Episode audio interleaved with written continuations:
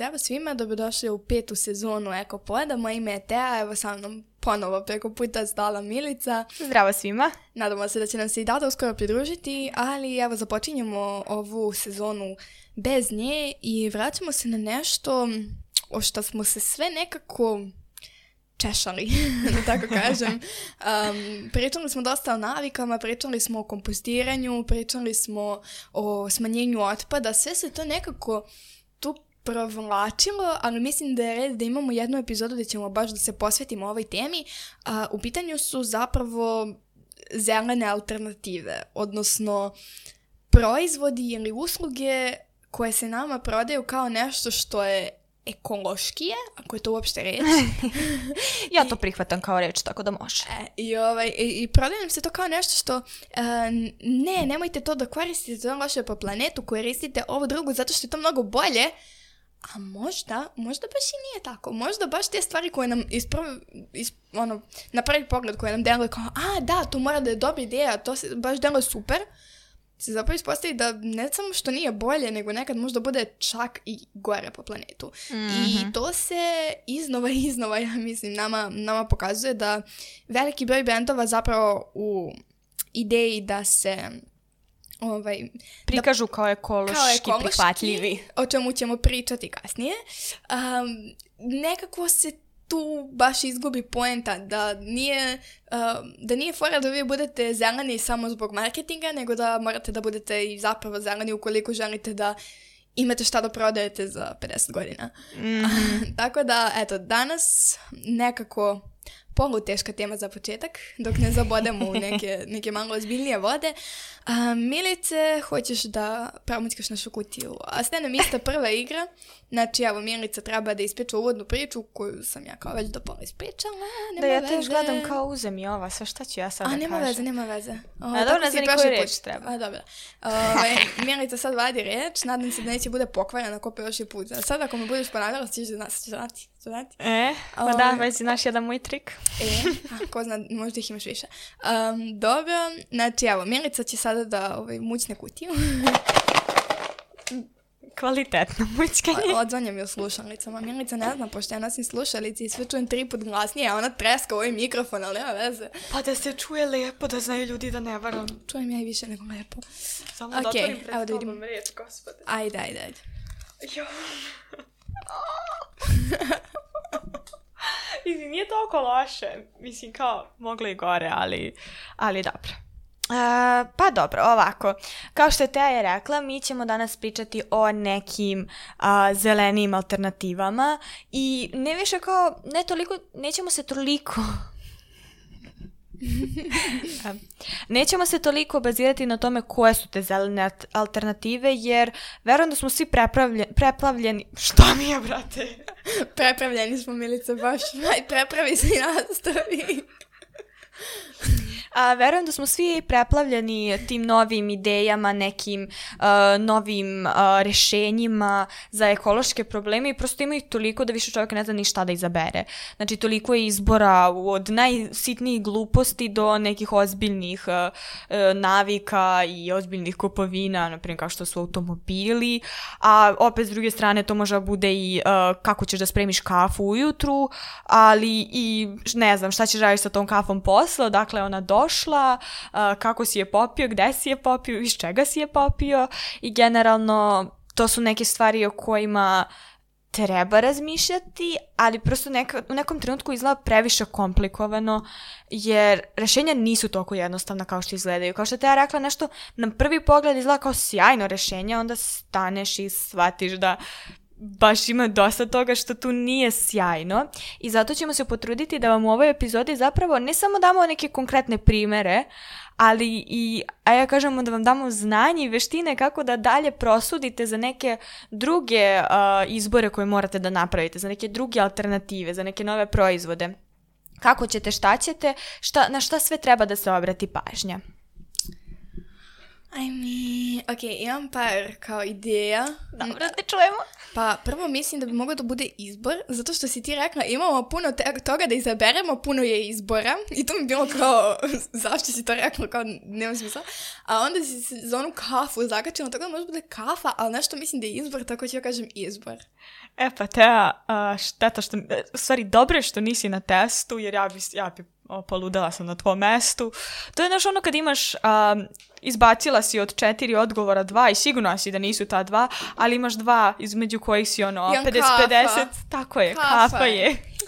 e, majku ti, dobro, okej, ajde, okej, ajde, neka bude. Dobro, bolje ovde nego na testovi. True, true. Mada ne kažem da mi se nije desilo na zalogiji prošle nedelje. Joj, a to je, to je stvarno naj, najgore. Nema veze, nema veze, super sam prošla kako sam mogla, koliko sam učila, super sam prošla. Uh, nego, da se radimo mi na naše zelene alternative. Um, nešto od čega se generalno najčešće polazi kada razmatramo o tome, što, kada ra- ra- razmatramo zapravo to šta je zelenije, šta je bolje, šta ja treba da koristim ako hoću da imam manji uticaj, uticaj na planetu, jako često se zapravo gleda kroz um, kroz klimatske promjene. I klimatske promjene svakako jesu ono, n- najveća kriza sa kojom se mi susrećemo u prethodnih x uh, decenija i vekova. I to je sasvim ok da mi imamo, mislim, tu sad imamo drugi problem, zato što um, uticaj na klimatske promjene nije jedini uticaj koji mi možemo da imamo na životnu sredinu o tome će Milica da razgovara kasnije sa vama, ali generalno, dakle, glavna stvar koja se uzima kao uh, šta je zelenije, da li je bolji ovaj auto ili onaj auto, da li je bolja ova kesa ili ona kesa, znači uglavnom se gleda koliko zapravo ugljen dioksida proizvodnja, upotreba, transport i zapravo, kako se to kaže, Odlaganje na otpad. odlaganje, hvala, e, tog nekog predmeta, znači koliko sve to ukupno, ceo taj proces od trenutka kada počne da se pravi do trenutka kad krene da truli na deponiji, koliko to sve, ili u okeanu, e, koliko, koliko to sve zapravo uh, ugljen diokside ispušta u atmosferu i koliko to sve zapravo utiče na klimatske promjene. Um, kao što sam već rekla, ovaj sistem je prilično onako uh, rađav u smislu da može da da neku okvirnu ideju o tome. Jer svakako kao um, uticaj na najveći problem i treba da bude ono što nas zanima. Ne samo kao koliki je uticaj, ne znam, toga na uh, moju uh, lokalnu deponiju. Znači nije nije samo to. A, ali opet ne možemo ni samo da budemo isključivi da kažemo dobro, ovo ne ispušta toliko gasova a, staklene bašte, znači nije problem. Pa, može da bude jako, jako veliki problem, ovaj, ali eto, i dalje se koristi to što se zove karbonski otisak. Mi imamo inače um, cijelo, cijelo, cijelu jednu epizodu koja se bavi upravo karbonskim otiskom, odnosno ugljeničnim otiskom uh, koji ostavljamo iza sebe kada jedemo i zapravo kako različite vrste ishrane doprinose tome da naš otisak bude manji ili veći. Tako da ne bih se mnogo sada oslanjala na ugljenični otisak u ovoj priči, to smo već, uh, onda smo i objasnili koji su sve delovi procesa proizvodnje koji mogu da utiču na to i ono, svi delovi uh, dakle same proizvodnje, svi delovi um, zapravo transporta, svi delovi, na primjer, ne znam, kada ste, kada ste u radnji nešto mora da stoji u frižideru i to se računa i to što taj frižider radi se računa, uh, do toga kako ga mi zapravo u kući koristimo i do toga kako se to dalje odlaže i gdje to završava. Tako da to smo sve prošli u toj epizodi, mi ćemo ostaviti svakako link u opisu ove epizode da možete i to da poslušate. Um, ugljeničnim otiskom ćemo se baviti još malo do kraja ove epizode, čisto kada budemo upoređivali neke um, takozvane alternative uh, i da, da bismo prosto mogli da vidimo bar deo priče o tome šta je zapravo bolje, uh, da li je stvarno alternativa bolja od onoga što se tradicionalno koristi, ali mislim da je krajnje vreme da se malo pozabavimo i onim drugim delom koji se nekako svaki put pa ne znam, izignoriše, da tako kažem. Mislim, uglavnom je kao, ok, ovo pravi manje CO2, to je nužno bolje. Pa da li je nužno bolje? Da, tu trebaju uzeti neke druge uh, jednostavno parametre u obzir, a prvenstveno, na primjer, eto, primjer uh, papirnih kesa. Papirne kese u svojoj proizvodnji zapravo jako malo uh, prave ugljeničnog otiska. Ali problem je u stvari njihova sirovina. One uglavnom dolaze od drveta koje moralo se iseče za tu potrebu. Pa, mislim, malo zavisi u odnosu na šta, malo u odnosu na cegir, na primjer, da, ali mislim da generalno kao sama plastika, dok ne dođe do tog, ono, sagorevanja i mm. truljenja, da zapravo ona tu pravi najveći problem što se otpada tiče, A, ali da, svakako mislim imamo to, ajde da kažemo, da, da li treba koristiti cegir ili papirnu kesu? Bolje je koristiti papirnu kesu nego ceger, ali opet da, šta, šta je tu onda dalje imamo? Da. Zapravo, koliko To se vode jednost- tu troši, koliko Da, se treba da se gleda i sirovina. voda, treba da se gleda i zemljište koje će da ode, na primjer, kad su u pitanju neke bioplastike koje se sad često uh, stvari postavljaju kao neke ekološke alternative, opet tu mora da se iskoristi, na primjer, ako je sirovina kukuruz. Taj kukuruz mora da se posadi na nekom zemljištu, treba da se koristi neko đubrivo, voda da se to posle zali. To generalno je isto nešto što jako utiče na to kakav je u stvari otisak. Ja bih pre rekla da, na primjer, to uh, kao količina zemljišta i količina vode, da je to za stvari kao što je pamuk, zato što ti pamuk gajiš isključivo da bi od njega pravio odeću i ceger. Uh, Pa a- jeste, ali i ovdje, ali, na primjer, ali ako... gledaj, ti kukuruz imaš svakako u industriji, ti kukuruz imaš, mislim, u prehrambenoj industriji, Mhm. ti kukuruz svakako imaš za dobijanje nekih drugih stvari, zapravo te plastike se često bave, uh, bave, Prave. E, da, te plastike se često prave od onoga što ostane iza, od onoga što bi se inače spalilo, bacilo ili kompostiralo, oni zapravo uzmu i razlože to malo i daju bakterijama da žvaću i kao onda. Aha, da, tako da kao uh, sa te strane uh, te bioplastike, mislim zato se, zato se oni Mm. reklamiraju kao, kao dobre i sjajne, um, ali, ali sa pamukom je, na primjer, to mnogo, mnogo veći da, problem. tu je zato što velik problem, pogotovo što pamuk stvarno traži jako, jako puno vode. vode. Da. On je baš onako... Da. Ovaj. Uh, I zamisli, mislim, uh, pamuk kao pamuk sam po sebi je jako veliki problem. Zamislite još uh, da ste u fazonu biokoton, organski pamuk, uh, da, on je još... još više sa vodom, još više sa, mislim, Mhm. svim ostalim stvarima koje treba da mu dodajete, da mu ne biste dodavali previše pesticida, a onda pošto je, uh, postoje i organski pesticidi, onda ćete da mu dodate organske pesticide koji su nekada gori od običnih pesticida i onda... Da, a da ne Auč. pričamo o tome da gomilu stvari treba i neke stvari koje uopšte ne ulaze, aj kažem u taj kao karbonski otisak, odnosno ugljenični otisak su i hemikalije razne koje se koriste u svim tim procesima pravljenja koji su takođe bitni. Ili, na primer, kada upoređujemo različite vrste goriva za automobile, a, možemo kažemo, a, dizel je bolji zato što je, na primjer, efikasniji, ali s druge strane i dizel ima manji samim tim ugljenični otisak, ali dizel jako prlja vazduh, on izbacuje neke druge gasove koji su jako štetni za naša pluća, generalno za um, kvalitet vazduha, š- jer nije ugljenik jedini koji utiče na kvalitet vazduha. On možda direktnije utiče na klimatske promene gde neki drugi gasovi možda i ne pa, utiču. mislim, za, zavisi što zavisi, to, to već zavisi od kvaliteta mašine, zato što, na primjer, ukoliko nije dovoljno kiselnika, onda će se izbati ugljen monoksid koji će zagradi vazduh, Na pre nego ugljen dioksid, ali, mislim, o tome sve možemo A i ugljen monoksid je otrovan, usput. Pa, upravo. Uh, o tome sve možemo pričamo kad se budemo bavili automobilima, ali to mislim da je jako važno da skrenemo pažnju upravo na to kao nije samo uticaj na klimu, već i uticaj direktan, pošto uticaj na klimu je indirektan uticaj na prirodu. Da. Vi poremetite klimu, klima poremeti vas.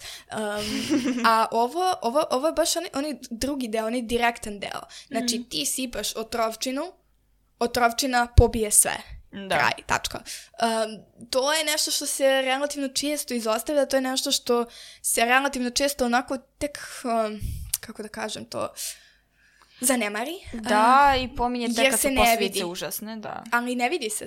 Mislim, ti ne možeš da vidi, ti, ti da vidiš svako drvo koje je nestalo, Da. da bi se napravili tvoji udžbenici za ovu godinu, ispisala bi se s fakulteta, razumeš? Mislim, mnogo, mnogo smo nekako desenzitivizovani, ako mogu tako da se izrazim, na, Da. na ove stvari, zato što a, za većinu njih, mislim, isto kao i za klimatske promjene, isto kao i za taj ugljenični otisak, mi ne vidimo. I ukoliko se nama ne skrene pažnja, kao što nam se sada jako skreće pažnja na ugljenični otisak, zato Da. što će sa- sad, ono, svaki um, YouTube kanal koji se bavi klimatskim promjenama, svaki portal koji se bavi klimatskim promjenama, pa i mi između ostalo koji smo se na podcastu bavili klimatskim promjenama, uh, smo svi bili u fazonu kao, ali ugljenični otisak mora da se smanji. I to je istina i to je neophodno i bez toga ćemo svi da pomremo. I to je okej. A nemoj mi se smiješ, stvarno ćemo svi da pomremo. Uh, ali, treba razumeti da to nije jedini problem. Treba razumeti da sve i da rešimo ugljenični otisak, ne možemo da nastavimo da se ponašamo prema prirodi tako kako se ponašamo prema prirodi. Mislim kao, Da. to su, to su neke stvari koje mm, nekako se preskaču. Da, da, zanemaruju se suviše, jednostavno ima gomilu stvari još koje utiče, a da nije samo ugljenik, odnosno ugljen dioksid. A, prosto ima gomilu različitih substanci koje su jako, jako štetne, a na koje mi ne obraćamo pažnju. Mislim, samo kad se pogleda fabrike koje bilo šta proizvode, koliko ispuštaju uh, zagađene vode u okolini. Mislim, bavili smo se već otpadnim vodama u nekim od prethodnih epizoda i prosto strašno je koliko uopšte ni ne primećujemo koliko prljamo i koliko je to takođe bitno, kao što mora se smanji jedno, mora da se smanji jedno i drugo i treće. Jednostavno ne može nešto se tek kao hm, ovo ćemo da zanemarimo, jer čim nešto zanemarimo postane problem. Mislim, i, i u smislu klimatskih promjena i u smislu um, otpada i u smislu zagađenja um, znači i u smislu novca između ostalog zaboravljamo da sve što radimo mora da bude udrživo. Mm. Znaš, džabe tebi, mislim, evo sad, sam se uhvatila za tu organsku proizvodnju i ne bih sad, mislim, naravno organska proizvodnja ima, naravno, svoje, svoje benefite, prednosti, da. ali sa druge strane ima i svoje mane i mislim da je to čisto nešto što mi zaboravljamo. Kad smo uzmano, ok, ova je zelena alternativa, organska hrana jeste, ali u isto vreme i nije. Uh, organska alternativa, da, organska proizvodnja je super alternativa za manje sredine. Vi ne da. možete da nahranite 8 milijardi ljudi samo organskom hranom. Kao bukvalno fizički ne možete zato što zahtevaju mnogo više prostora, mnogo više drugih nekih resursa. Sa druge strane, ukoliko imate, mm, na primjer, evo, um, organska proizvodnja ne dozvoljava upotrebu sintetičkih pesticida. Što ok, ali postoje organski pesticidi koji su dozvoljeni. I sad, kakve to sad veze ima? Znači, um, substanca je substanca, bez obzira na to da li je nastala u laboratoriji u epruveti ili je nastala u nekoj biljci. Aspirin koji je nastao u epruveti i aspirin koji je nastao u biljci su isti aspirin. Isto će da deluje na vas.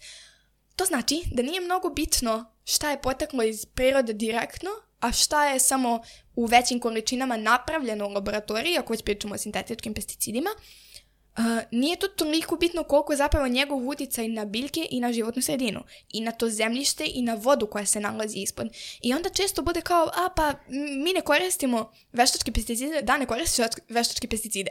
A onda uzmeš i natrpaš bakar sulfat u zemlju da. i pobiješ sve živo. Zašto?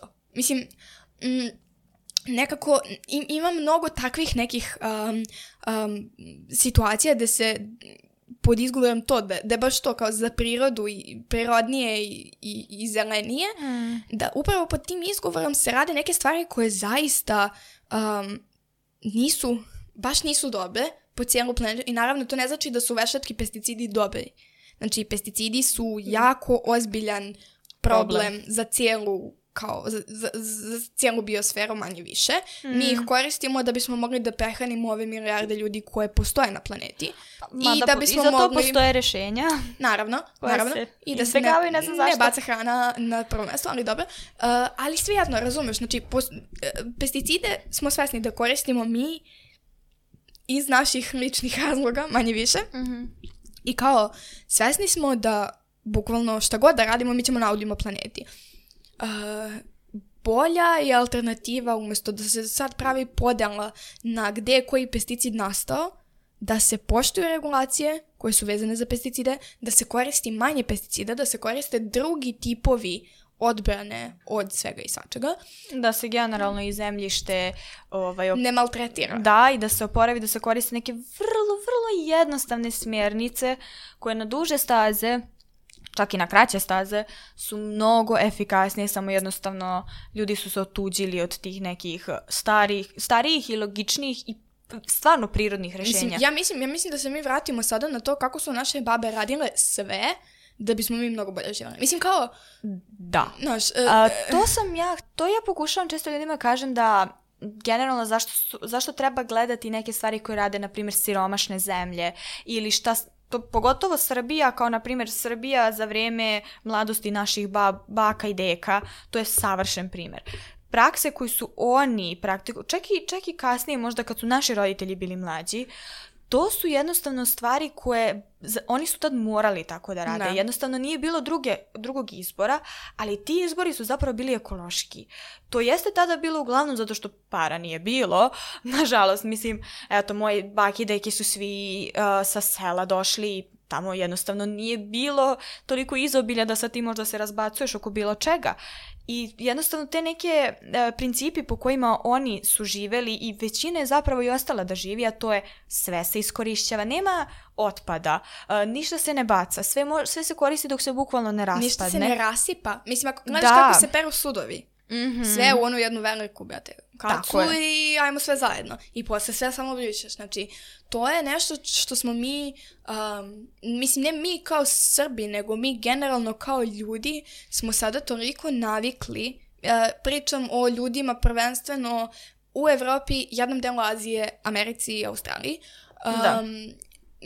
nekako smo se, previše smo se navikli da je sve samo tu. Da. Mislim, niko od nas ne razmišlja o tome šta uh, će da se desi ako nemamo uh, vodu, osim koliko živite u Zrenjaninu. Ali kao, pa mislim, Da, da, da. ali, ali znaš, tako mislim, niko, niko, da li ti stvarno kada, kada uzmeš da pereš sudove, mislim, okej, kao vodiš računa, nećeš... Nemoj tako, ja stvarno imam traume jer su meni isključivali vodu pet meseci svaka 3-4 dana zbog radova. Istina, istina, ali kao, Ali- ali, kao razumeš, Da. da. da li kad neko uzme persu, mislim, ja, na primjer, uh, dok, ono, prdam tanjir, neće da mi ide voda, Ne, kao naravno slučajno. neće, Ali ali... dok peru zu- zube ljudi i ostave onako da curi, gde ćeš, gde Znam, ćeš. ali, ali, ali kao stvarno ima ljudi koji samo to tako tako rade. Um, ono što još, na primjer, može da bude problem koji nije vezan za ugljen dioksid, jesu otpadne vode. Znači, vi ukoliko imate neku proizvodnju, bilo čega, vi morate, prvo što morate da imate raskladne vode, koje će da Uvek, prolaze, koje će da. da prolaze kroz uh, te mašine kako se one ne bi pregrijale i eksplodirale. Onda te tako raskladne vode, pošto, jel te, prelazi toplota sa mašine Da. na vodu, voda bude toplija, toplija voda se izliva u reku i pobija sve živo tamo.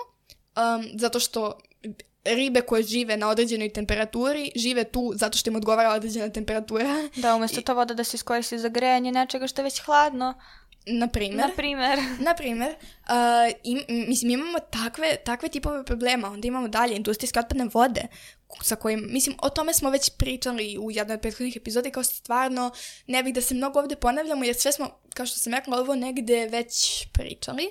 Samo deo po deo kroz tri sezone, pa smo sa, sad rešili da to se skupimo, ali mislim da bi bio red da pređemo Misliš sada... četiri sezone? Četiri sezone, ju, ju, da. Um, mislim da bi sad bio red da malo pređemo na uh, zapravo neke konkretne primjere nekih alternativa i da uzmemo da vidimo na primjeru šta je bolje, šta je lošije, zašto i gde, gde je nama zapelo da mi mislimo da je jedna stvar bolja od druge i da li je zaista ili je samo u pitanju. Nekada stvarno kad se pojavi neka alternativa stvarno može da bude dobra. Da. Mislim, A konkretno... nekada se opet ne vidi odmah i zato ne treba se ni zaletati. Jeste, jeste. Mislim, evo, na primjer, sad da uzmemo primjer, lupam led sjelica. Znači, ako imate stvarno sistem koji je od um, početka proizvodnje pa do kraja odlaganja napravljen kako valja, vi imate korištenjem led sjelica, znači prvo imate uštedu struje, uštedu novca, uštedu u smislu smanjenja količine otpada, duže vam traje i stvarno, znači to je jedna od onih stvari da vi kada uradite studiju i kada vidite, kada testirate, možete da kažete aha, ovo zapravo radi, ovo je zapravo ok. Neke alternative stvarno jesu takve. Međutim, kod nekih je to kod nekih je to kao stvarno samo besmislica i potpuno Mm, da. bespotrebno, ali ima mnogo, mnogo, mnogo primjera koji su uh, zavisi.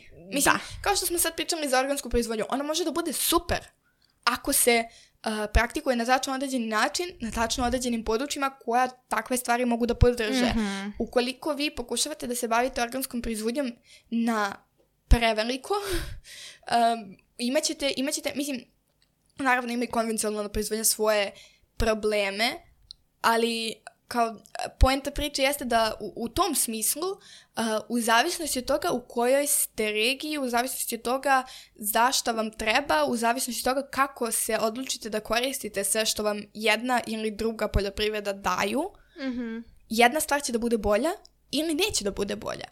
I Da. to je, to je isto sasvim legitimno. Znači, niko od nas ne kaže niti da je organska proizvodnja super i da sad svi treba se bavimo organskom proizvodnjom i da sve treba da bude bio, uh, što by the way, ono, većina ljudi ne može ni da se složi i ne postoji, ne postoji definicija toga šta je bio i šta je organsko, tako da možda da se, da se, da se ono, ne zatrčavamo pred rudu.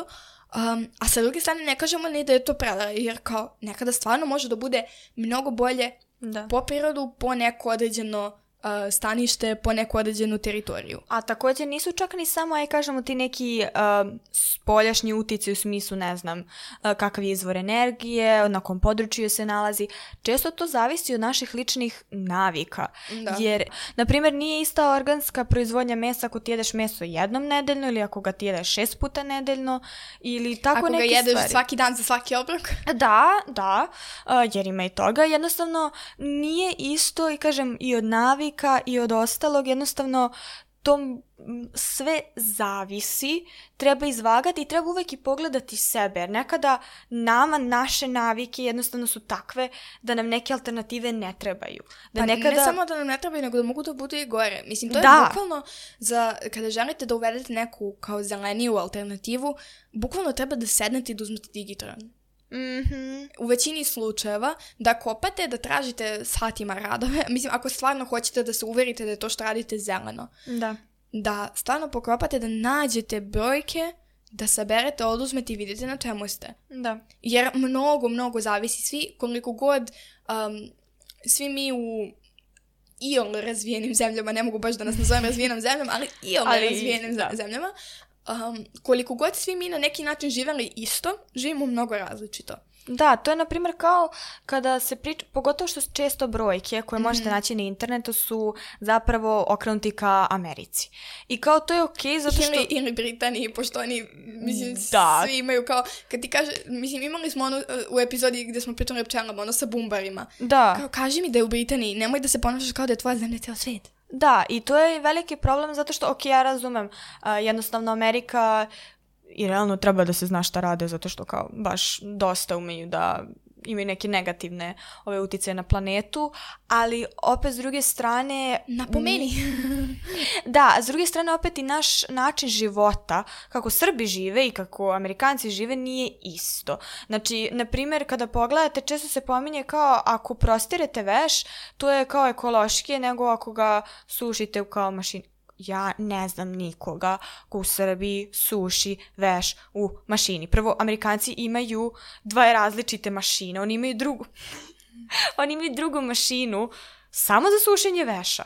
Ja nikad, onda se seta, ja nikada u njihovim filmovima nisam videla prosrt veš negde. Da, Nema. ali, ali to zavisi, izvini, mislim sad kažeš ne znam nikoga.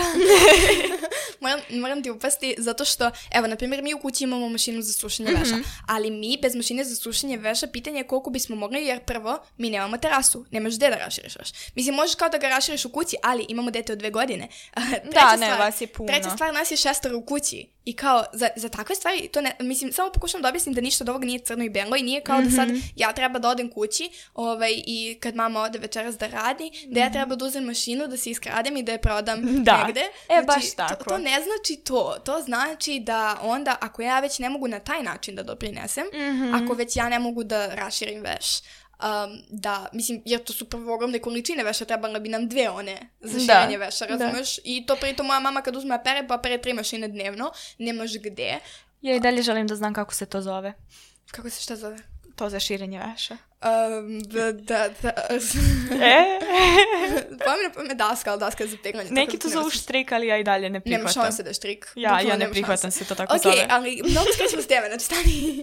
Poenta, poenta, znači ponovo, iznova iznova moramo ponavljamo ovo i koliko god da ponavljam i dalje imam utisak da nije dovoljno, zato što će uvijek da se nađe neko ko će kaže, ali znate ja to ne mogu da radim zato što, dobro, nemoj, mislim, isto je bilo kad smo pričali kao o smanjenju količine mesa.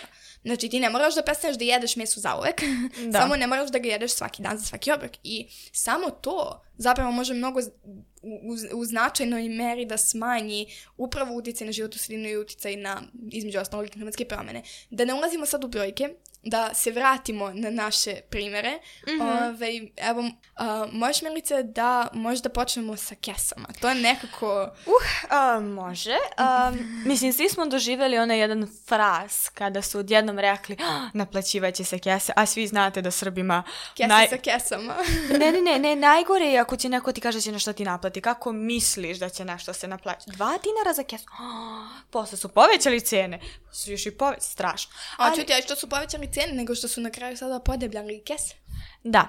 E, a sad, u čemu je faza? Znači, generalno što se tiče kesa ima, aj kažemo, dosta nekih nijansa izbora, ali realno da suzimo na ono što se stvarno zapravo najčešće i koristi. Znači, s jedne strane imamo a, plastične kese, koje mogu budu one tanke, jednokratne kese, koje svi znamo da su se a, godinama cepale pre nego što od kuće dođeš do, a, od prodavnice dođeš do kuće. Znači, ja se sećam koliko puta sam na kraju opet nosila u ruci, iako imam kesu, zato što se kesa skroz iscepa. S druge strane imamo a, neke kese koje mogu da se više puta upotrebe. Kao I to tipa su- ono što dobijete kada odete kupite patike. Da, ili čak i ove sada koje se mogu kupiti u najobičnim prodavnicima. jače. Da, ove takozvane... Od ja- 7 dinara. Da, uh, treger kese, tako nešto ih Zašto zovu. triggerke? Mislim, kao... Zbog o- o- onih ručki. Ali još ne običaj kesi. Ne, ne znam, ne znam. dobro. E, Te kese, svi znamo one sad deblje kese, znači to je kao druga strana i treća strana je ceger. I E, papirne kese. Aj da, i papirne kese. Ali realno, a, kad kažemo ceger, mislimo na pamučni ceger, zato što postoje i plastični cegeri koji su nešto sasvim drugo. To je mnogo bliže plastičnoj kesi nego cegeru. A, a, plastični cegeri se generalno, mislim, nećemo sad da razgovaramo o njima zato što oni nisu vezani za ove svakodnevne kupovine. Da. Plastični cegeri su uglavnom tipa kad idete kupujete ili neke namještaje, police i takve stvari koje mogu da vam probuše sve ovo ostalo i onda da, uzmete plastični da, ceger. to je da- ogromno i nefunkcionalno. I time nećemo se sada bavimo, Da. ali da se E, vratimo na... Uh, u odnosu na te četiri, generalno, realno, m, ubedljivo najgore jeste jednokratna plastična kesa, zato što je jednokratna. Problem što, cijel problem je što ona ne može da se iskoristi više puta, jer prosto uh, tak, toliko je tanka da ne može se iskoristiti samim tim, ne može se izvući... Osim ukoliko tipa nije kesa za đubre u jednoj maloj korpi u kancelariji i to je to. Da. To su one kese tipa iz pekare ili sa pijace ako nisu dovoljno Da, jake. e, baš te, koje su, ali te su stvarno dugo bile, dok nisu krenule ove nove kese, bile su i supermarketima,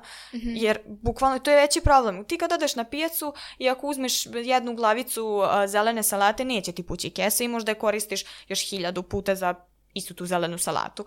Ali već ako odeš u prodavnicu i uzmeš neki tetrapak, tetrapak ima onaj čoškić koji probuši sve. I to je gotova priča. Znači, čim ubaciš tetrapak, gotovo je. Ali s druge strane imamo te, uh, aj kažemo, te deblje plastične kese. I sad, generalno, kad je počela cijela ta priča, svi su bili u fazonu cegeri, vadimo cegere, vadimo cegere. Odjednom su se našli cegeri 20 godina stari. Svi ovaj, su kod imali cegere. Da, odjednom su svi imali cegere, naravno, ja sam I, pokupila. I što je najjače, svi su imali po 10 cegera. Da, Kao, iako, po, ako je poenta da se smanji otpad, šta će ti 10 cegera? Izvini mi, A, da, ja imam puno cegera, ali ja sam se svoje dobila kao promotivni materijal. Ja nijedan ceger nisam kupila. Eto. Ali ja moje sve cegere volim i čuvam. A, e, Ali- I sad baš eto, a, ja sam konkretno kad je počelo sve to, ja kao ja ću da izadim svoje cegere, ja ću da nosim svoje cegere u prodavnicu. A, međutim, nakon par meseci nošenja cegera, moji jadni cegeri koje ja nosim inače i kao torbe, kao tašne, umjesto tašnje ja koristim cegere a, i umjesto školske torbe, odnosno fakultetske torbe, ja koristim cegere. A, oni su krenuli da se cepaju. Jednostavno, kad odeš u prodavnicu, natrpaš lepo u ceger za sve pari i više nego što možda poneseš. i preko. Da, i onda puca ili puca kod one tregerice ili puca kod, put, naprave se rupe jednostavno i samim tim a, kad pogledamo ceger nije toliko kao, o, ceger mogu da koristim 100 godina. E sad, zašto je to bitno? Zašto da bi ceger bio, aj kažemo, jednak jednoj ovoj debljoj plastičnoj kesi, on mora da se iskoristi nekoliko hiljada puta. Da, pričamo pritom o, znači, um, konkretno ovdje o utjecaju na klimatske promjene, odnosno dakle, ugljeničnom otisku. Da. Znači, e, ući ćemo malo kasnije oko toga šta je fora sa tačno, ono, šta su i neki, neki drugi problemi, ali evo sada da, mislim, da, da vidimo ukratko. Znači, Da. prvo, proizvodnja pamuka. Mnogo vode, mnogo zemlje, mnogo hemikalija, mnogo energije da se proizvede, mnogo energije da se preveze. Da. Plastika, um, đubre od uh, kukuruza, nahranimo bakterije uh, i malo zagrijemo. I to je to. Da, do duše dosta je tih kesa, mislim dosta kesa se pravi, mislim i generalno od nafte, ali opet čak i tada kad se pravi kao naftna prerađevina, a, ipak ona, zaš- baš zato što je lagana, a, prilično je energetski efikasan proces, a, jednostavno zbog toga ona je mnogo manje ekološki skupa, ako ćemo tako to da kažemo, Da. odnosno ugljenično skupa. Da. Uh, je, i tu, tu bih možda samo napomenula, znači da još jedna stvar koja plastična kesa čini dobrim, jeste što one u, svo, uz, kao u odnosu na svoju težinu mogu, mogu puno da ponesu. Da. Jer kad razmislite koliko je teška kesa, koliko je težak ceger, a nosi istu količinu stvari, tu nešto, nešto ima. Da. Uh, ali, ali, ali, ali, tu opet treba reći, uh, da li to znači da treba svi da koristimo plastične kese? Mm, Možda, ali šta je tu problematično? Problematično je to što sva ta, sve te kese će da završe a, hteli ne hteli u okeanu a, ili u zemlji ili u životinjama ili šta god. Um, I na kraju u nama, pošto mi jedemo sve i svašta, pijemo sve i svašta I i mikroplastikom, hvala Bogu, sve dođe do nas. Jeste. Uh, samo možda tu da, da, da skrenemo pažnju, um, zato što jako često će, mislim, ok, a, korištenje plastične kese do iznemoglosti je super. Znači, ako vi imate jednu malo jaču plastičnu kesu, kupili ste u, u prodavnici za 7 dinara i sada tu plastičnu kesu koristite par meseci svaki put kada odete u kupovinu, to je super.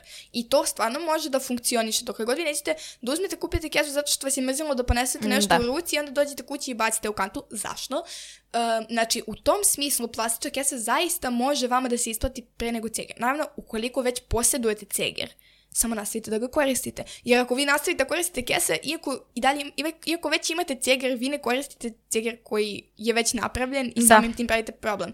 Znači, ako imate ceger, koristite ceger. Ukoliko nemate ceger, ali imate tipa ranac, za, ono, u kom nosite neke druge stvari, samo stavite u ranac. Mislim, meni se milio, mil, milion puta desilo.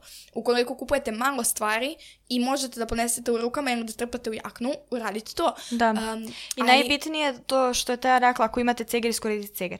Sve što vi već posjedujete, sve što već posjeduješ, to je mnogo bolje nego bilo kakva alternativa Nova. nova. Nova. Jer to je cijela poenta. Znači, sve što već imaš je bolje nego nešto novo. Mm, da. Mislim, i sad ovde, ovde delo je kao, ček, šta, šta, znači ja sad treba koristim plastičnu kesu, ne treba koristim ceger. Nije toliko jednostavno. Zašto? Zato što, um, e, mislim, pričala sam upravo o tome kako će ta plastika na kraju da završi u prirodi. Sad će neko meni kaže, pa dobro te, ali jel može plastika da se reciklira? Može, ali pod jedan, ukoliko živite u Srbiji, jako velik, mislim da se tipa 3% se reciklira. Ali ništa se čak ni re- ne reciklira kod nas. Mi nemamo Istina. mi nemamo gde mi to samo prodajemo dalje, što opet dodatno, uh, aj kažemo, doprinosi Transport. tom, da, jer transport Da. je jako, mi ne, uopšte ne gledamo koliko transport ima veliki ugljenični otisak, jednostavno Yes. to je puno. I, i, i, i, i, znači, kada vi uh, tu plastiku, uh, dakle, kada se plastika reciklira, uh, plastika, kao i doduše papir, ako reciklirate papirnu kesu, i kao bilo koji manje više drugi materijal, osim, osim aluminijuma, o tome smo pričali kad je bio, um, nemanje kad smo pričali o limenkama, reciklažnim limenki, možemo i to da linkujemo, um, svi ti materijali kada se recikliraju, oni gube na kvalitetu i vi ne možete beskonačno da reciklirate kesu. Znači sve i da se kod nas reciklira, i dalje imamo gubitke. Da, I da. dalje to završava negde. Uh, druga stvar, ono što se često ljudi zaznu pa budu u fazonu, a pa mogu kupim ovu kesu, ona je biorazgradiva. Šta znači biorazgradiva kesa? Mislim, evo, možemo sada da, da se... E, e, evo, ovaj, a, pošto sam ja ovo truba, trubila u supermarketima kada sam slušala kasirke i a, žene kako komentarišu, a pa dobro, makar je bio razgradiva, a ja ne mogu da ne kažem izvinite, ali nije. U čemu je stvar? A, biorazgradivo je reč koja se često koristi onako, ba, odnosno zloupotrebljava. Jer šta to praktično znači? To znači da će to da se raspadne u prirodi na manje delove. Uglavnom, ne okom vidljive delove. Samo zašto se nešto raspalo tako da ga mi više ne vidimo, ne znači da to nužno ne postoji. I ne znači da mu neće trebati 27.000 godina da to uradi. Da, mislim, ovo je uglav, mislim, jedan deo ovih kao biorazgradivih kesa, ne mogu da garantujem da to baš za sve, ali jedan deo njih se zapravo, pogotovo ranije, to su one koje su se čak do skora koristila, one tanke kese, su bile pravljene tako što se uzme, aj kažemo, male, male sitne, odnosno mikro, um, aj kažemo, pločice, plastike koje se onda povežu celulozom i pošto je celuloza naravno priroda materijal koji vrlo brzo nestaje u prirodi, ta celuloza se razgradi, ona nestane i ti više ne vidiš kesu, a i ta kesa je postala gomilu mikroplastike. Tako da generalno samo zašto se nešto razgradilo u prirodi ne znači da je nestalo i da nije problem. Čak naprotiv, možda je još gore jer celu kesu nećeš dobiti u šargarepi, ali mikroplastiku boga mi hoćeš. Um, I zbog toga biorazgradive kese verovatno čak nisu ni bolja, a možda su i gore. Drugo, neke stvari su razgradive pod određenim uslovima.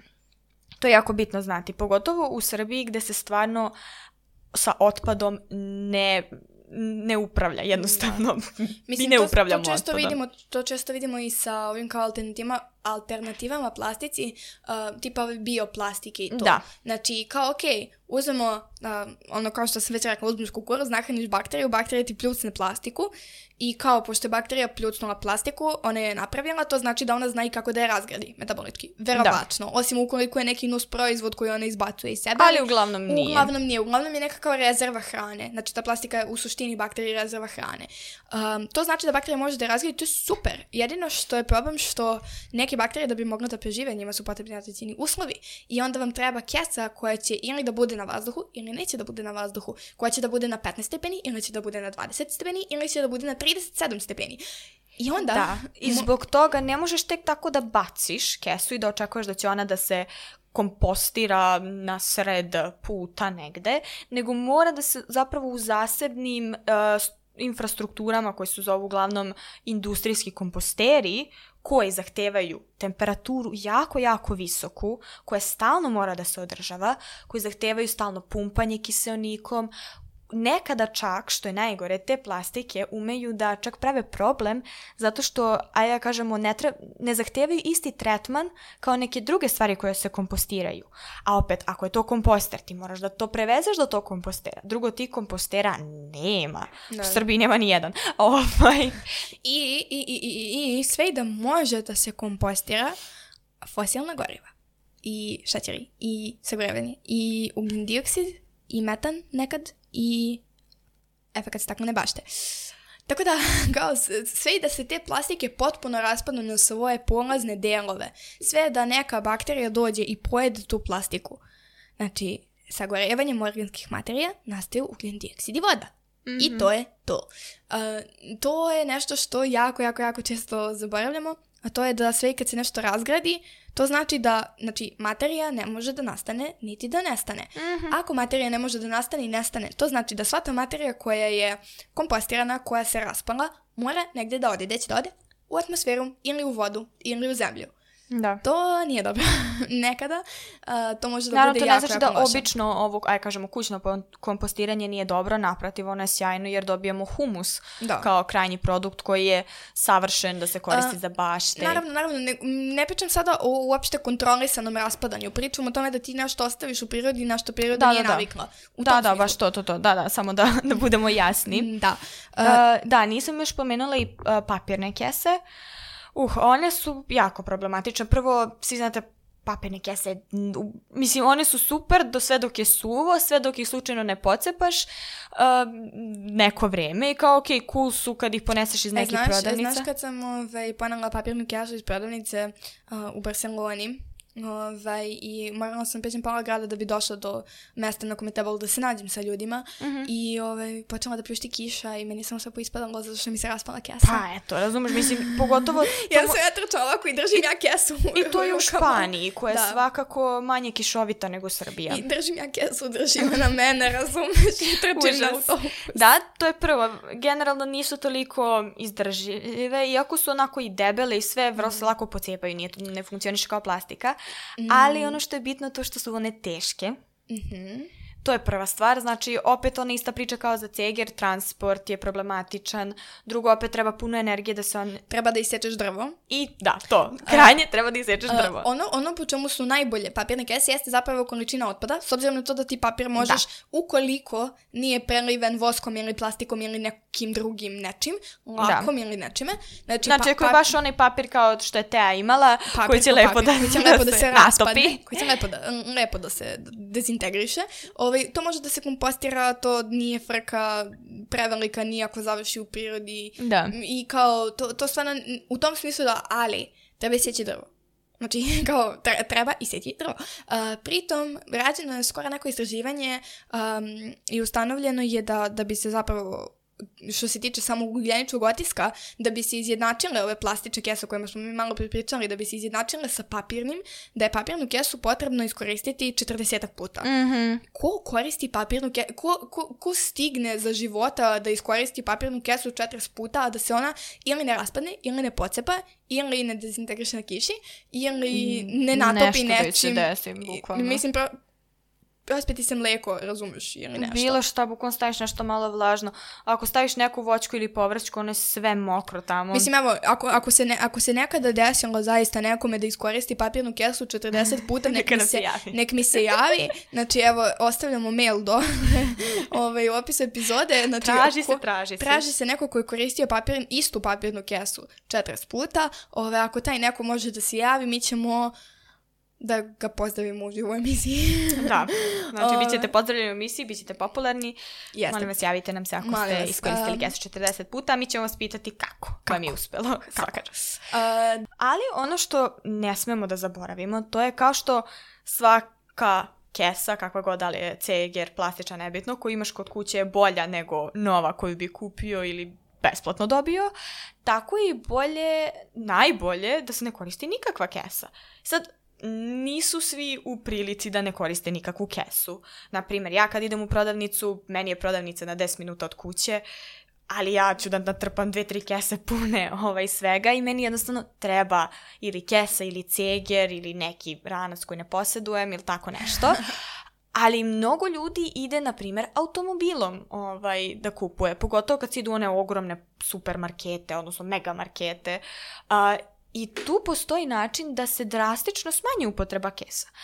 E sad, to, sam, to je na primjer praksa u Nemačkoj, bar koliko sam ja čula, sad ne znam koliko je to tačno, ali da umjesto da se kupuju te sve kese, naravno samo stavljate svoje a, namirnice u, um, u kolica za kupovinu. Kad završite, odnosno kad platite, vratite ponovo.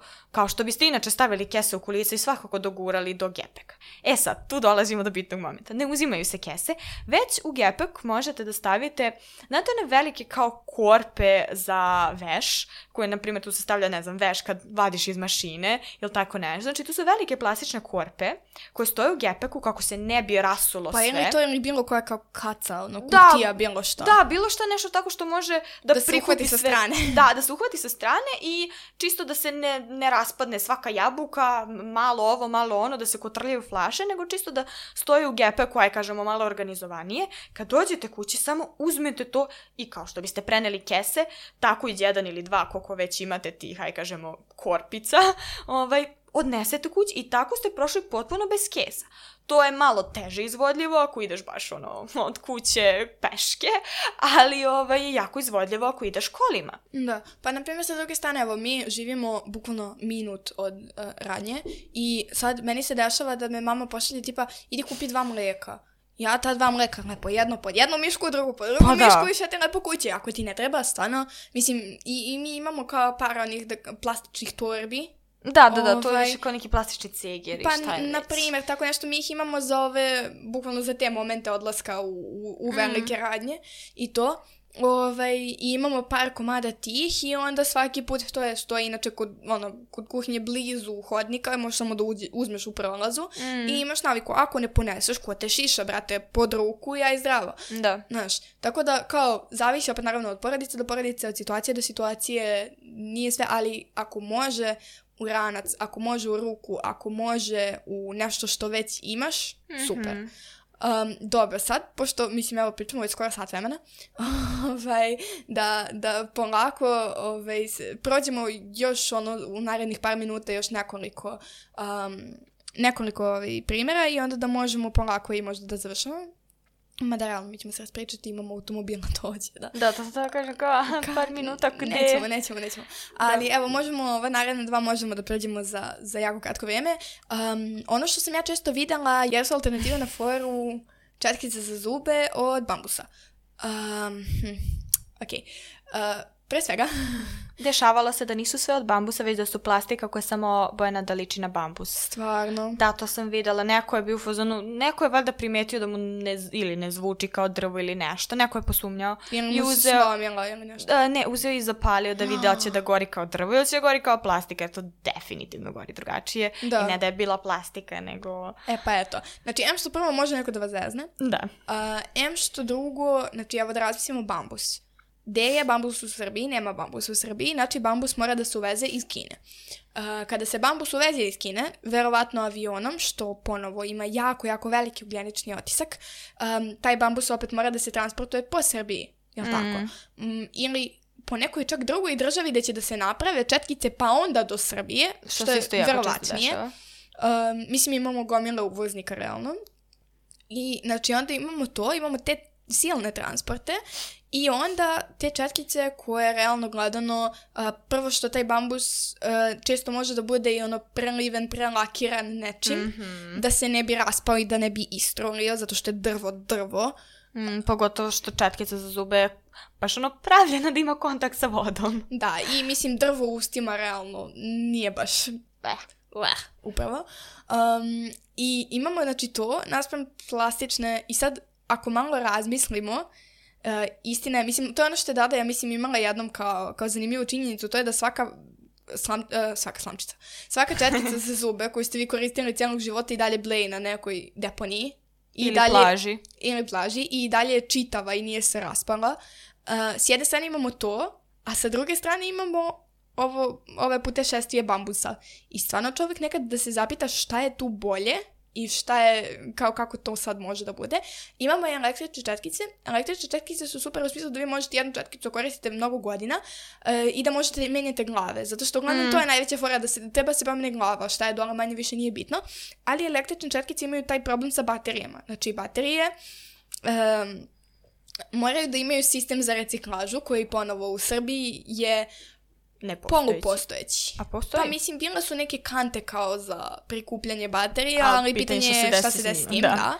Ove, Svet, pa i u svetu slabo. Slabo, slabo. Generalno slabo. a, ono što sam ja videla, međutim, jeste da postoje tipa plastične a, četkice za zube kojima možeš da menjaš glavu. I to Da. je onda neki kompromis koji kao, ok, jeste plastika, Da, ali s druge strane ne bacaš onaj ceo dršku Cijelu koja dršku. valja sve vreme, ništa i ne fali. tako je, i niti joj ništa Jer treba. u stvari one čekinje su u stvari jedino što se, kažemo, vremenom Troši. uništi. Da. da. Ovaj, tako da imamo taj moment kao da može da se zameni glava, pa da ne moraš da menjaš cijelu četkicu, što je okej, tr- s druge strane jeftinije. S treće strane, mislim da, okej, jeste otpad, ali isto tako je otpad i plastificiran bambus. Mislim, ne A i vidim... svakako, s druge strane, a, kod bambusovih četkica, čekinje su opet plastične. Aha, A, da, čekinje Zabavno. su... a, da, čekinje su... Mislim, to nije baš... a, to nije... Mislim, kao, kad kažem plastika, mislim na plastiku u najširem smislu. Koliko sam čitao, to je neki najlon, vrsta najlona. Mhm. A, e sad, a, uglavnom to je opet podjednako, ajde Da. kažemo... Uh, mislim, ja sad ne mogu da kažem sad tačno da li ono te četkice koje su, da li kao prave četkice i bambus četkice, šta je tačno u brojku bolje ili lošije, zavisi od gde se nalazite, koliko ste blizu Kine, koliko ste blizu zemlje gde se proizvode četkice i tako dalje. Um, tako da ne mogu stvarno da kažem sada da je nešto uh, nužno bolje ili nužno lošije toga, ali samo treba da imamo u vidu da uh, to što si kupio um, četkicu od bambusa, Nije rešila problem. nije rešila problem ako ćeš ti da je menjaš na svakih mesec dana. Mm. A ako ste nekada, kao ja, poželili da kupite ovaj, pre nego što su došle kod nas u DM ove bambusove četkice i odete na sajt nekih od tih kao prodavaca, a, vidjet ćete da dosta njih a, zapravo ima programe. Ne možete da kupite kao sad ću ja da kupim jednu četkicu, nego već se prijaviš na program da oni tebi a, na određeno vrijeme šalju četkice i najviše što sam mogla da nađem je da ti šalju valjda na tri, maks četiri meseca četkice. Kao, a šta ako ja neću toliko često? Mislim, šta, e, mislim da valjda preporuka na šest mjeseci se menja četkica. I kao, okej, s- s- mislim, ok, svi na tri meseca da menjaš, zavisi koliko agresivno pereš zube. Ali, Da. ali kao, za, što ti kažeš, najveći razmak je Da, tri da, meseca. da, bilo je tipa i na mesec dana, dva, tri, tako nešto. Znači, bilo, znam da je bilo sigurno za dva i tri, e sad ne znam da li je bilo kao za jedan, pa je to kao bilo najniže ili je dva bilo najniže, sve jedno, šta šta ti imam na dva meseca da menjam četkicu. Kako Da. mi to onda pomaže što je to bambu četkica? Da, pa mislim potpuno ono kao gubi poentu tog zelenog dela uopšte Mhm. svega toga. Tako da da, što se, što se četkica tiče, uh, ukoliko ih ne menjate kao manijaci, zaista malo razlike pravi. Malo, ja ne znam sad koliko su kod nas dostupne te kojima možeš da menjaš samo glavu. Ne znam da li Ovaj, uopšte ima. Mislim, dosta ljudi, dosta ljudi je, na primjer, zadovoljno sa svim električnim četkicama i ukoliko se, na primjer, vodi računa o bateriji ili ukoliko je tipa punjiva baterija, a, onda Da. može stvarno da, da i to bude sasvim super jedna ideja. I, mislim, pogotovo što te baterije u četkicama realno dugo traju. Pa Kao, znaš, nije... Ne znam, nikad nisam imala električnu četkicu. Može, može sasvim solidno da ti traje, razumiješ, zato što ti, ono, tri po tri minuta, nema tu šta. Znaš, ne pereš zube šest sati dnevno. Ovaj, Da, Tako da a- u tom smislu stvarno nije previše i mislim nekako bih ja možda kod ovih četkica napravila, to je onaj jedan, um, ona jedna situacija gde šta god da koristite loše, ali ne možete naprati zube. Tako da šta Da. god da koristite opet nije strašno. Mislim, na neki način nije strašno. Da. Osim ukoliko ne menjate četkicu na 15 dana, onda zaista... A to što god da koristiš je strašno. Da, to... E, ali s druge strane imaju neki primjeri koji ovde kod četkice vidimo da jednostavno se nekada desi prosto da manje više dođe ti na isto, ali postoje neki primjeri koji deluju na prvi pogled kao wow, ekološki, a onda shvatiš da ne da nije ekološki, nego uh, užas. Da. A, to je, na primjer, primjer, wow, a, to je primjer a, štapića za uši.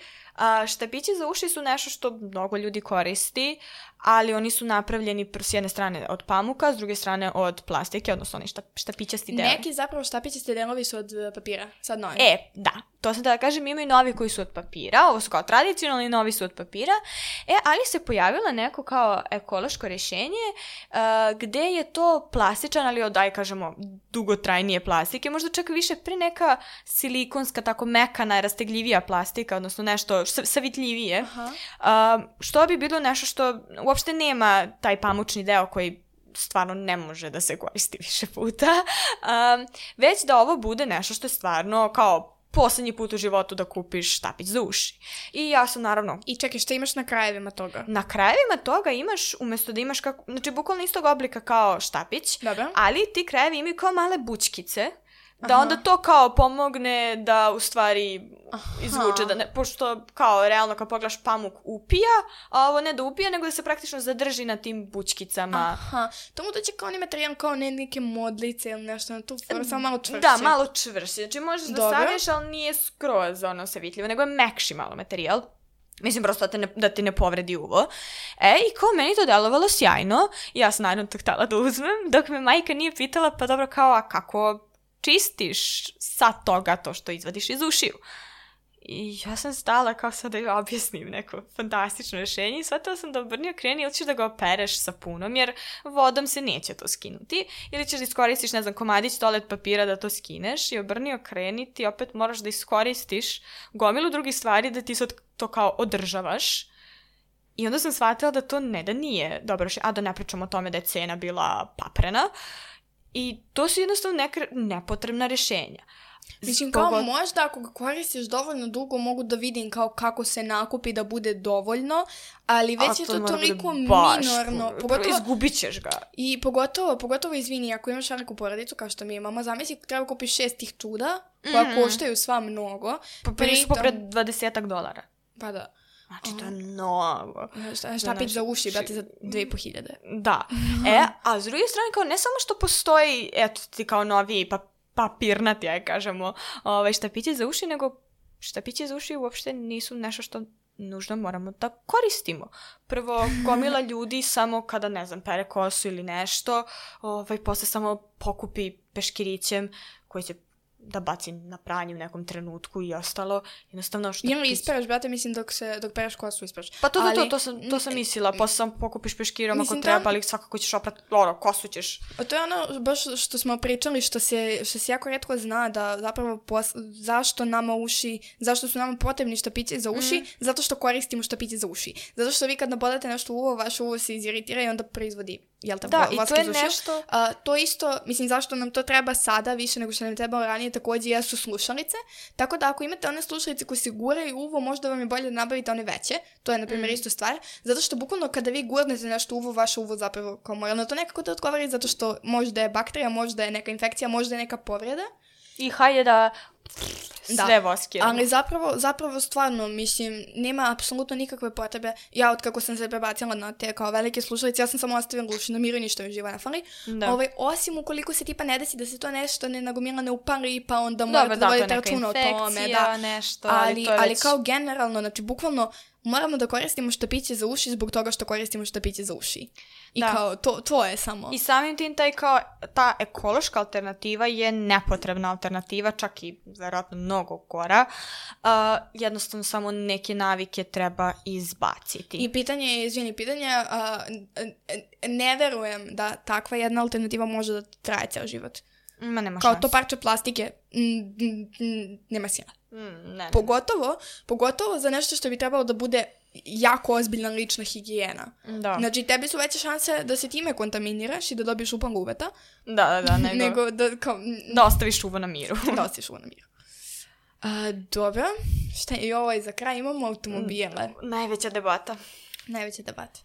Razmišljam se da ostavimo cijelu epizodu za automobile. Može, ja mislim da je to bolje. Onda ćemo u sljedećoj epizodi da razgovaramo o zapravo tome koji, kada razmišljate o kupovini automobila, ako već morate da ga vozite, pošto e, realno nekada zaista imamo i problema sa o tome smo već pričali, znači prosto kod nas imamo takvu situaciju, infrastruktura nam nije dobra, putevi nam nisu dobri, um, gradski prevoz, kuk majko, a, radovi na svakoj drugoj ulici koji traju godinama, prosto jako je lako dolazi do zakrčenja i jako često su ljudi a, ne žele da se oslanjaju na gradski prevoz, niti tipa mogu da voze bicikl do posla ili ne znam, Da, niti pogotovo mogu po da šetaju. brdovitom, brdovitom Beogradu jako teško ćeš da voziš Jeste bicikl. i pritom zamislite da ono, živite negde u gradu, a radite na Novom Beogradu, pa ne da ne možeš da šetaš, nego nema šanse. Mhm. Um, ne možeš ni busom da stigneš, a kamoli da šetaš. I, um, mislim, ne samo za Beograd generalno, znači ako živite bilo gde od, gde vam je uh, duže od pola sata potrebno da dođete peške negde, imat ćete problem. Um, tako da jako veliki broj ljudi i dalje mora da vozi automobile i um, nije to samo stvar ono da se voziš sam u autu, znači to je kao prva stvar o kojoj možemo da pričamo. Vozite se sa nekim, ako idete u istom pravcu ili ne znam. Um, imajte pola porodice jedan auto pa neizmenično ili nešto smis- smislite se kako. Znači ako imate oca, majku i punoletno dete ne morate da imate tri automobila u kući jer kao zaista nema potrebe. Um, I, i ne, to su neke kao osnovne stvari, ali ajde da vidimo sljedeći put ćemo se baš pozabaviti time. Hteli smo danas, ali baš nemamo vremena. Baš smo se ono, da, preračunali. Tako, tako da ćemo sutra da malo porazgovaramo o tome, um, ne sutra, sljedeće Da nedelje. da sutra. Sljedeće nedelje. Zašto ja ne znam za to? Sljedeće nedelje ovaj, ćemo se pozabaviti malo više time kao ako želim da kupim kola, kakva kola bi trebalo da kupim, da to Mhm. bude najpovoljnije za prirodu. Imamo različite neke alternative, neke od njih su dostupne kod nas, neke od njih nisu dostupne kod nas, um, mada svakako imamo i slušalci iz drugih zemalja pa možda nekome bude korisno. Ali to je nešto s čime ćemo izgleda morati ovaj, tek, tek malo kasnije da se pozabavimo. Um, Aj, samo zašto nešto nije dostupno sada kod nas. ne znači da Stvari neće se biti... mnogo brzo menjaju, Jeste, tako da... i ne znači da neće biti uskoro i možda vam ne treba novi automobil sada, a možda će vam trebati za pet godina, tako da bolje da se mi Da. ovaj, pripremimo. A, za kraj bih malo ipak da ponovo prođemo kroz naš omiljeni um, argument u cijeloj ovoj priči, a to je ko koliko može. Da. Znači, Nemojte, na primjer, to je, često ljudi umeju da se, kad se stvarno zagreju, kad aj, mislim, treba s jedne strane, treba se boriti vatreno i želeti promene i ostalo, ali nekada moramo i da budemo malo više, uh, sa više razumevanja prema drugim ljudima. Naprimer, često se pominju one voštan, u stvari voskirane krpe koje mogu da zameni aluminijumski i prijanjujuće folije i kao, to je stvarno sjajno, od, odlično je, divno je i kao ima mnogo, mnogo uh, prednosti, ali s druge strane ima gomilu nas koji smo alergični na polen i koji jadni ne jedemo ni med i stvarno onda da trpamo vosak preko svoje hrane baš možda nije ni najpametnije. Jeste da negde tvrde da kao ne izaziva alergiju, ali ja nešto čisto sumnjam, s obzirom da meni niko nije rekao da treba budem alergična na med, pa opet ja ne mogu da ga jedem. A, zbog polena. Tako da, to je, na primjer, nešto kad bi meni neko došao i pokušao da me ubedi da sam sad ja grozna što to ne koristim, nego koristim silikonske poklopce koji su takođe ovaj, relativno bolji u odnosu na plastične folije. Da, koje se stalno bacaju jer silikonski poklopci, boga mi, fino traju. To A bi ima bilo čak jako... i onih koji mogu da se kao bukvalno uh, nisu poklopac nije u jednoj veličini, nego može da se savije na različite veličine i da se koristi za... to je cool. Mislim da da, mislim ja da imam, da sam videla to. Ja imam samo u različitih veličina, ali su rastegljivi, ali kao cool E pa to, to, to, ima kao tih kao rastegljivih i onih koji možeš kao da se savije, na neku foru ima da, kao da, da, da, da možeš da ga bukvalno fituješ. Da, da, razumem, to je još, još bolje, ali jednostavno prosto moramo i da budemo malo sa više razumijevanja da ne mogu baš svi sve i da jednostavno ko koliko može. I jedno po jedno. Mnogo da. je važno da promene idu jedno po jedno ili dve po dve ili koliko god je vaš kapacitet malo u tom po trenutku. Malo Nije strašno ako ne promenimo život preko noći. Niti može i koji. Je, da, jer je još gore toliko ljudi zato što neće da napravi veliku promenu, ne kreće ni u kakve promene. Da. Znaš kako, to je možda jednim delom do toga što, mislim, jako često, ja sam sad, um, baš sam uh, posmatrala tu jednu um,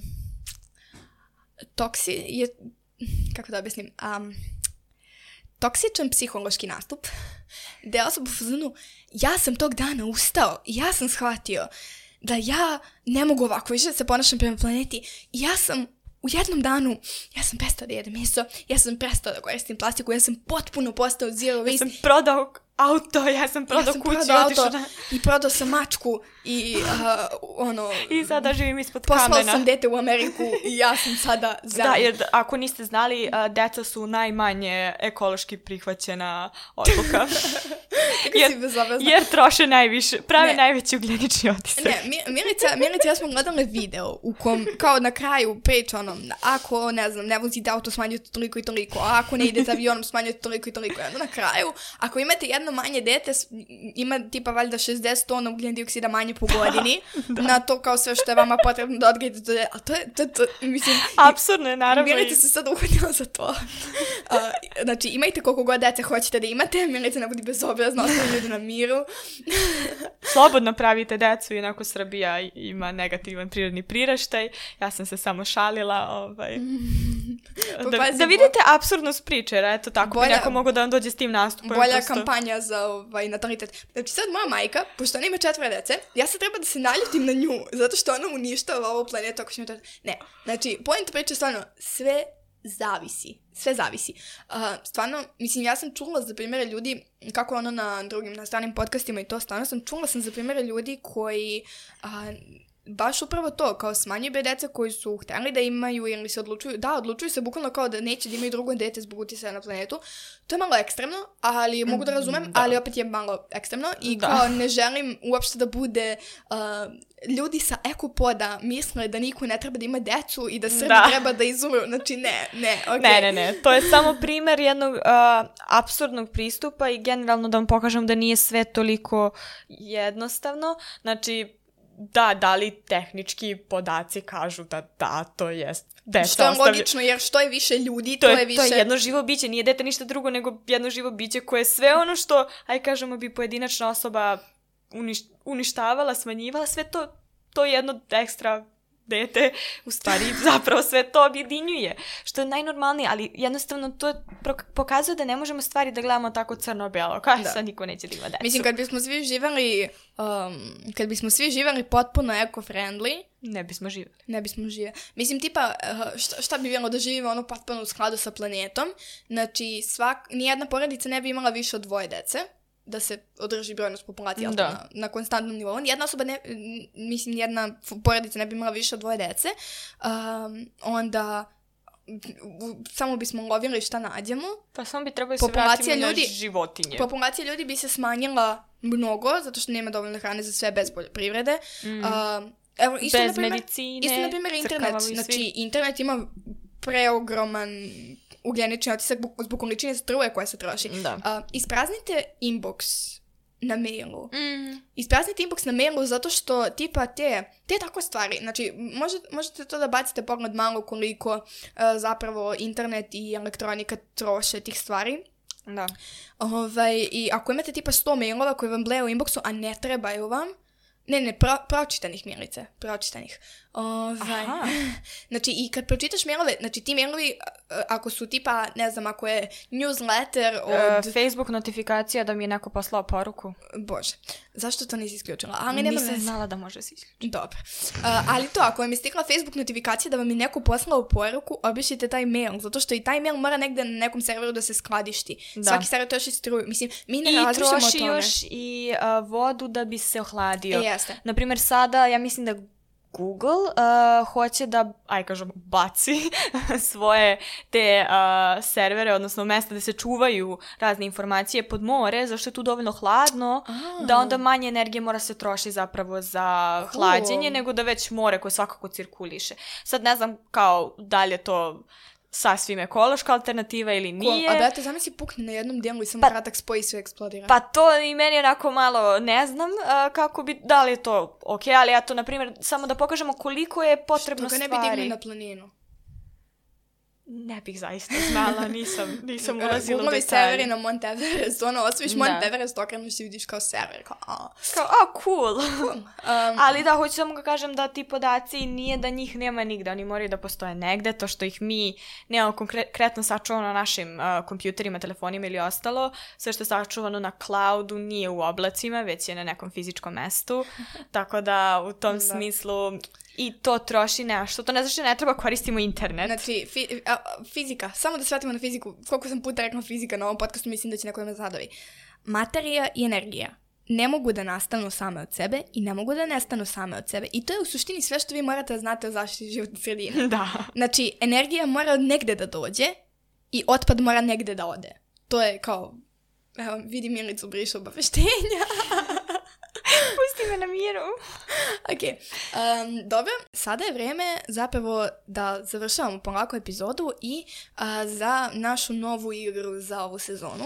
Tako je. Milica i ja smo rešili da igramo Eko rečnik, kako ćemo to da radimo.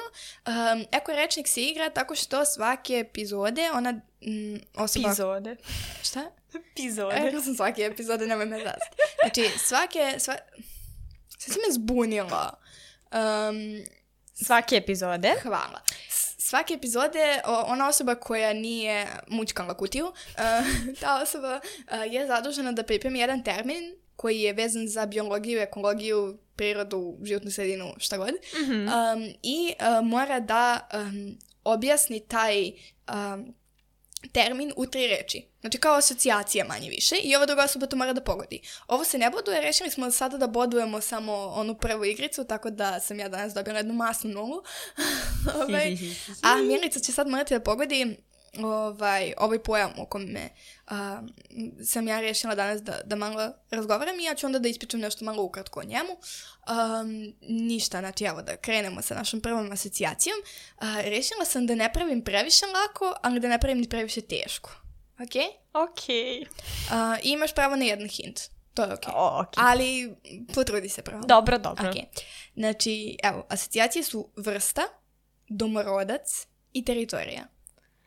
Autohtono. Bravo! Pa za šta ti mene smatraš? A dobro, da ti studiraš ekologiju, dobro. Ja studiram ekologiju, ja znam uh, tri endemične vrste ovaj, um, četinara. Svi znamo tri endemične vrste četinara. Dobro, dobro. Nemoj tako, ja sam to morala da naučim sve, svašta o njima. Dobro, ok, sada ovaj, dok Milica razmišlja o čime će sledeće da se hvali, uh, da objasnimo dakle, šta znači autohtona vrsta. Pričali smo malo o tome u epizodi koja se bavi invazivnim vrstama, koju ćemo isto da vam okačimo u opisu epizode. Uh, u suštini, autohtona vrsta jeste vrsta koja je Uh, ja sam je nazvala domorodačka na nekoj teritoriji, odnosno uh, vrsta koja prirodno živi na nekoj teritoriji. Ok, znači svaka vrsta koja je na tu teritoriju došla od negde nije autohtona, to se zove alohtona, ali poenta priče jeste da um, razmišljajte, evo na primjer, moj pradeda je autohtona jedinka u Ivanjici. Na primjer. Jer je on rođen u Ivanjici, njegovi su iz Ivanjice i njegovi, njegovi su iz Ivanjice i njegovi, njegovi, njegovi su iz Ivanjice, moj deda iz Ivanjice, tako. I onda su oni svi autohtoni. Ali ja sada se preselim u Ivanjicu, pošto sam ja rođena u Beogradu, ja nisam iz Ivanjice i sad Invazivna vrsta. ja sam, ja sam alohtona vrsta, nisam invazivna osim ako ne krenem da se razmnožavam kao nenormalna, što neću zato što klimatske promene. Ali da, point priče, znači, autohtona vrsta jeste vrsta koja je karakteristična za neko područje koja tu živi hmm, dugi niz godina, odnosno dugi niz generacija, ne mora čak da bude ni dugi niz godina, Da. ali u suštini vrsta, dakle, koja, čije je to neko primarno stanište, koja tu nije došla od negde drugde. Na primer, najpoznatija, naša voljena Pančićeva Morika. Jeste. Ovaj, tako da, eto, uh, sledeća epizoda, dakle, prvi put da snimamo epizodu i znamo o čemu ćemo sledeće pričamo. da, da, da, da. Ovaj, sledeća epizoda, dakle, automobili. Ovaj, uh, bit će to teško spremiti, ali dobro, nema veze. Slušamo se.